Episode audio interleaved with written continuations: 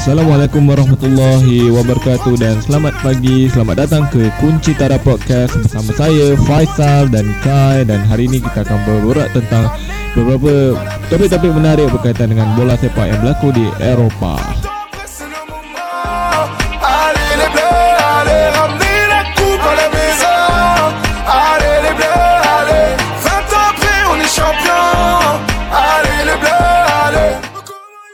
Selamat pagi dan bersama saya sekali lagi Faisal dan bersama rakan saya juga Kai. Hello Hello Hello.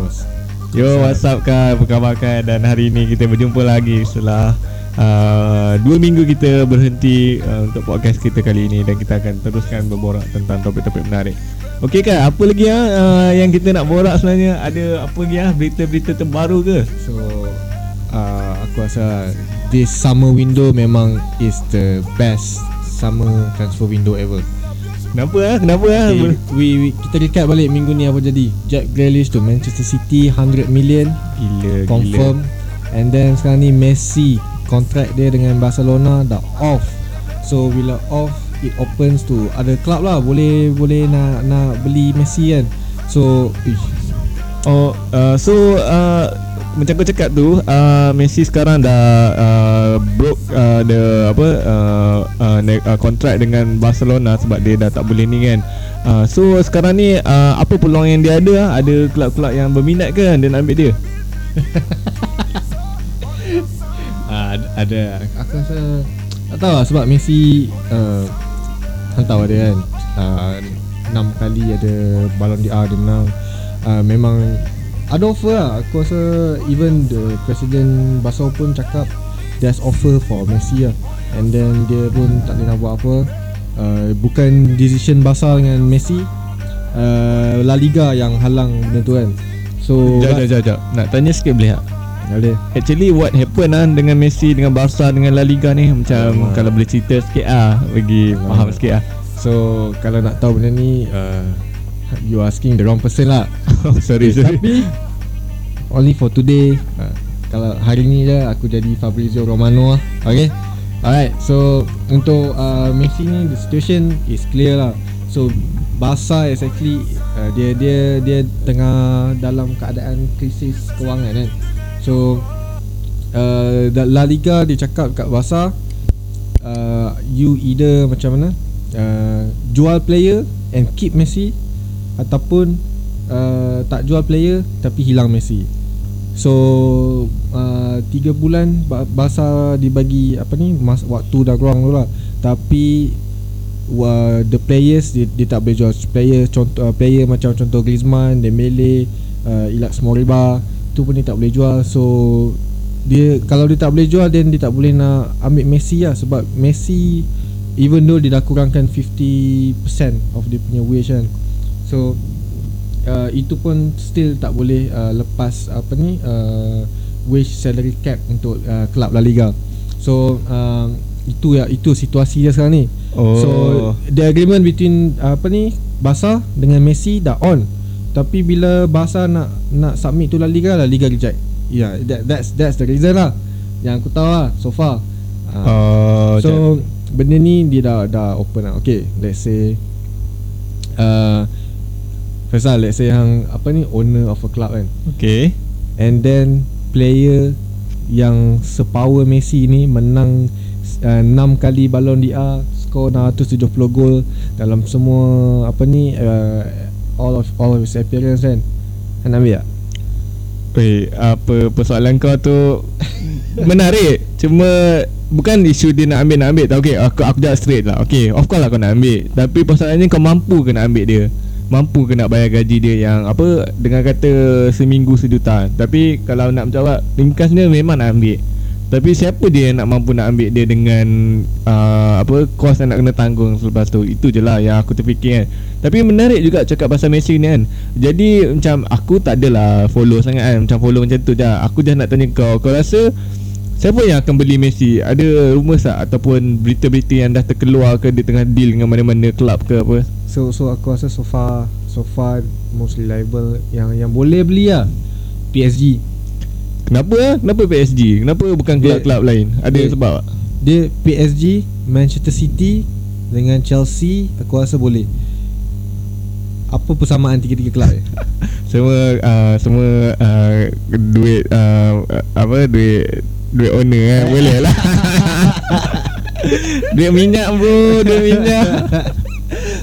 so that, that's the point lah Okay so uh, uh, a bit, Apa ni Antara tiga kelab ni uh, Chelsea so far Tak ada lagi signing Except for uh, Apa ni Backup goalkeeper tu Marcus Bertolini Tapi So far Still tak ada uh, Maksudnya Dia ada lagi dekat Dia punya transfer fund tu Ada lagi lah. Uh, And then uh, Roman Abramovich pun Dia dah buat meeting Dengan uh, Wakil uh, Tim Messi lah. So Dia nak uh, Abramovich dia nak uh, Messi untuk join Chelsea. Tapi ni just rumours lah. And then uh, City Dia dah spend 100 million dekat Grealish Kan Lepas tu dia dengar lagi. Dia nak uh, dia nak ni ke? Macam mana dia nak link up Grealish semua nak incorporate Messi lagi dalam team dia. Lepas tu team dia dah lah stack dengan Bernardo Silva, Ikel Gundogan, striker semua. ha, Sebab tu lah Sebab tu lah Guardiola botak. Hai-hai fikir benda tu. Oh, tapi kan tapi kan yang menariknya pasal Messi kan aku rasa aku rasa lah the highest chance dia akan pergi ke PSG kot. Sebab apa? Dia ada beberapa faktor yang aku rasa kenapa dia akan pergi.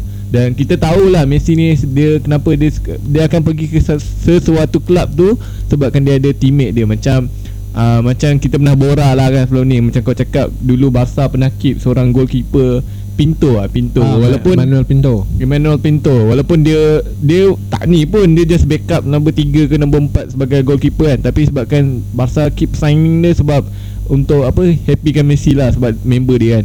So macam dekat PSG Kita tahu Dia pernah uh, Collaborate dengan Neymar Waktu kat uh, Barca Pernah ada MSN kan. So aku rasa High chance lah. Neymar pun aku rasa Aku dengar-dengar macam Tengah push uh, Buat untuk Tarik Messi masuk ke dalam tu. Dan ramai lagi Ada Angel Di Maria semua kan And of course kita dapat tahu juga PSD memang dah bolster dia punya team kan. Dah apa rekrut Donnarumma lepas tu dia ada Wijnaldum. Oh power. Power semua dia bantai uh, Defender Ramos. Lama semua dia free transfer. Bayar ba- tak payah bayar apa just bayar agent fee dengan bayar ni je. Ha. So uh, Kalau free transfer Maksudnya Dia punya FFP Still okay lagi lah In terms of uh, Transfer funds so Tapi dia pun FFP pun ada Wage salary cap bro. So itu yang dia kena uh, Make sure Tak tak terlebih lah. Tapi kai tapi dia tengok lah kalau FFP pun dia akan tengok apa generated uh, income ataupun generated revenue dia kan. So aku rasa dengan kau beli Messi of course lah.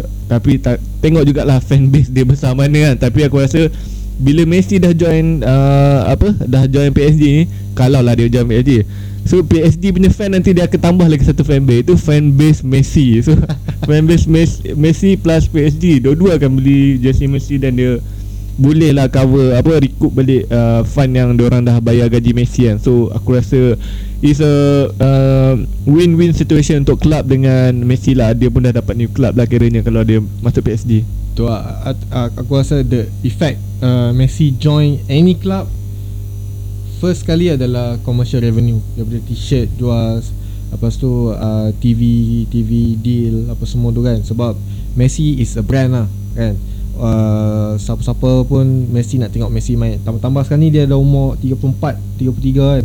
Dah dah nak mengakhiri hujung karier dia. So orang akan nak ambil kesempatan ni Nak tengok dia nak Ni kan. So instead of uh, satu lagi apa ni uh, another player in a team dia ni pun adalah potential revenue lah dari segi commercial. So uh, sekarang ni yang lawak ni apa? Messi belah uh, tinggal apa ni uh, dia dia tak sama kontrak dengan Barca kan so kawan dia Aguero Aguero kawan dia daripada apa ni national team Argentina kan mm-hmm. betul betul Aguero join Barca sebab dia nak uh, main dengan best friend dia Messi. Tapi tak itu paling sedih ha Bukan nak cakap cerita pasal Aguero aja lah. Kau fikir balik Kau fikir balik. Selalunya player yang join Barca ni Dia sebab apa? Dia satu memang nak untuk Barca Betul. Satu lagi sebab apa? Sebab nak main dengan Messi. Betul. So Barca baru uh, baru dapat siapa baru-baru ni? Dia orang baru angkat uh, DP DP pun aku Oh aku baru aja baca Twitter Twitter uh, Dipe tweet uh, Good Lepas tu emoji heartbroken. Uh, Oh. So macam Semua ni lah Aku macam Aduh kesian kat ah. Tapi kalau ingat uh, last season, last season uh, time final Copa del Rey yang uh, Barca menang hmm. and then uh, ramai player yang uh, queue lining up bukan sebab tekat gambar dengan trofi, nak tekat gambar dengan Messi. Come on bro So- Messi doh Instagram confirm uh, 2 juta like At least 2 juta like ah. Oh. I mean uh, okay kita kita go one by one lah. Macam tadi PSG kita dah bincang kan. Sekarang ni kalau City How is it? Sebab City Okay Pep Guardiola pernah manage Messi. So ada relationship. Uh, Mes, uh, Pep Guardiola dia bagi Dia invent Invented the position false nine tu. So Messi Dia menyelah dekat situ lah. Uh, Position false nine. So maybe ada reunion Between Messi Tapi Macam cakap kan Messi dia kalau nak pergi mana dia nak teng- dia, tengok, dia nak main dengan kawan dia City tak tak ada tak ada kawan dia sangat lah. Tak. Itulah takkanlah dia nak main dengan siapa kan Takkanlah nak main dengan apa uh, Kyle Walker Kyle Walker tu number berapa back main dengan Bisaka ke dekat MU kan Betul tak? Betul tak? Takkan nak main dengan Foden rambut putih yang kan Back uh, join team below that Chelsea kan Hmm, betul lah tapi uh, tak sure lah sebab uh, apa ni Aguero dah dah caw daripada Barca. And then uh, Messi maybe boleh replace Aguero sort of Hmm, boleh lah. Tapi macam kau betul lah Macam kau cakap. Yang penting uh, Aku rasa Kalau dia tak ada member pun Dia ada Guardiola Mungkin lah. Dia sebab dia Reunite balik lah Dengan Guardiola kan. Cuma one thing lah City dah spend 100 million Itulah Itulah. Grealish. So mana lagi dia nak korek duit kan? Unless dia jual uh, apa ni? Jual Foden ke jual siapa-siapa lah. Uh, Kan? jual Foden eh Mantap kau. Alright, alright. So uh, kita dah, dah puas cakap pasal Messi. Faisal aku nak tanya apa ni? So far which some apa ni? Transfers uh, window summer ni yang yang buatkan hang excited Yo come on lah bro. Kau pun tahu kan Aku support MU kan? Yalah okay, okay, okay, okay. So untuk untuk kita punya listener Faisal ni dia hardcore MU fans lah. Aku rasa spender dia pun pakai spender Woi, MU two point two point sebelum ni Dia boleh je cari point baru. Dan tolong lah bagi point yang betul-betul fakta. Jangan bagi point auta Aduh, padahal padahal member yang Oh, oh beli sekarang, sekarang ni malu pula nak support MU tak, padahal member yang takat gambar dengan crash MU dekat stadium MU letak kat Google Google uh, ni Google image sebagai ni profile picture. Aduh. Alright, alright. So basically uh, macam korang tahu lah kan Kita orang dah dapat Sancho walaupun uh, tak tahu lah bila dia nak datang training kan Dan Uh, dekat seminggu lagi kan nak start game eh Ber- Berapa transfer fee dia? Around 80 juta euro tak salah aku lah. So Yeah. around kalau Malaysia like 300 juta Good So and seorang lagi kita nak dapat Varane The new centre back World class centre back. Bro come on lah bro. Korang, korang nak dapat siapa? Konde lah Konde. Okay by the way uh, Kan ni dia support Chelsea. So sorry lah Chelsea macam Macam slow sikit lah season ni. Macam tak tahu lah Dia nak play apa lah. Macam teragak-agak. Chelsea baru dengan menang Champions League. So okay lah okay okay. Bagilah dia Champions League tu. Sekarang kalau korang nak tahu lah Ni sajalah Side lah. Chelsea dia tak habis-habis Champions League Champions League. Padahal menang nasib. Oh dah jealous lah. Menang nasib je. Aduh menggelabah Dia menggelabah Okay okay Varan kan Itulah So kita orang hari tu uh, Dalam tak sampai Seminggu yang lepas Seminggu lebih yang lepas Kita orang dah uh, Confirm yang kita orang dapat Varan dah dan Varan sekarang ni dia uh, kita orang baru je uh, minggu yang lepas tu dia orang dah announce yang kita orang dah uh, buat apa negotiation dengan Real Madrid dan dah berjaya lah, agree the deals kan. So Varan is confirm our player dan pending medical apa medical punya check lah kan. So until now Varan dia baru je tak salah aku dia baru semalam fly ke Manchester dan dan just tunggu quarantine day dia maybe dalam 3 4 hari dan dia akan sign the uh, buat medicals dan confirm sign the contract lah. but, but, but then uh, Aku rasa kita ada lagi berapa hari Lagi one Yeah, week yeah. Before uh, First Premier League match kan yeah, next So- week next week next weekend. Ah, So Varane tak boleh join lagi Sancho tak boleh join lagi uh, Hang rasa boleh effect? Wah itulah itulah. Dia sekarang ni kalau amongst uh, for, uh, supporter MU yang follow MU dekat so dia memang tahu itu adalah antara concern yang paling besar. Our pre-season dia tak ready betul-betul lah. Maknanya kita orang tak ready betul-betul tak banyak match yang kita orang main. So hari ni malam ni kita orang akan lawan dengan Everton. Just another pre-season punya match. Okay. dan lepas tu kita orang akan dah tak ada game apa Okay. terus untuk uh, league punya match lawan Leeds Sebab aku risau nanti jadi macam Modric dekat Madrid dulu. So dulu Mourinho Sorry uh, Madrid dia beli um, Modric. Okay Madrid beli Modric uh, For 13, I think 30 million ke. Okay. And then uh, Time dia beli tu Penghujung-penghujung uh, Transfer window. So Modric dia tak join pre-season. So dia take time untuk Sesuaikan dengan La Liga. And then That season Dia dah diundi sebagai The worst transfer uh, Tapi- yes uh, You know the rest is history lah kan Dia Um, menang I mean, I mean, ah, ber- yalah, macam banyak je macam tu. Even macam uh, Sancho dan Varane pun uh, ada je possibility that first season orang mungkin orang akan uh, just uh, a phase for adapt lah kan. Orang akan ambil masa lah. Macam banyak je semua macam kita tahu lah. Harvard pun bukan perform sangat kan. Benda pun benda pun biasa-biasa je.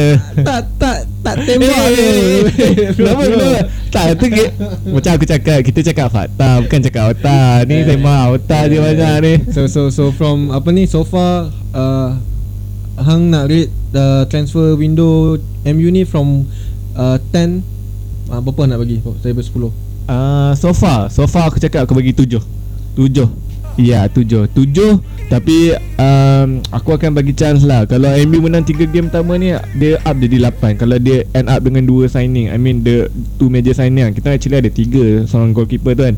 Tapi kalau by the time 7 ni Dia possibility kalau game awal ni Sebab Aku just nak tengok orang punya Awal-awal uh, match 3 league match ni Aku nak orang menang. Kalau orang tak menang Bagi aku Yang tu salah ke uh, Solskjaer Sebab apa? Sebab dia yang manage Semua uh, apa uh, training sendiri lah sebab dia dia yang bagi apa cuti lebih kat player-player kan so Betul.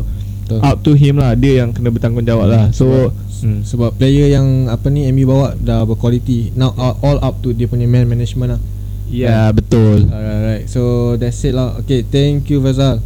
yeah. Uh, so kita wrap up this uh, podcast lah. Okay, see Yeah. you guys in the next uh, podcast. Bye bye. bye bye Gentil, je tirerai des pieds. Ousmane Dembélé.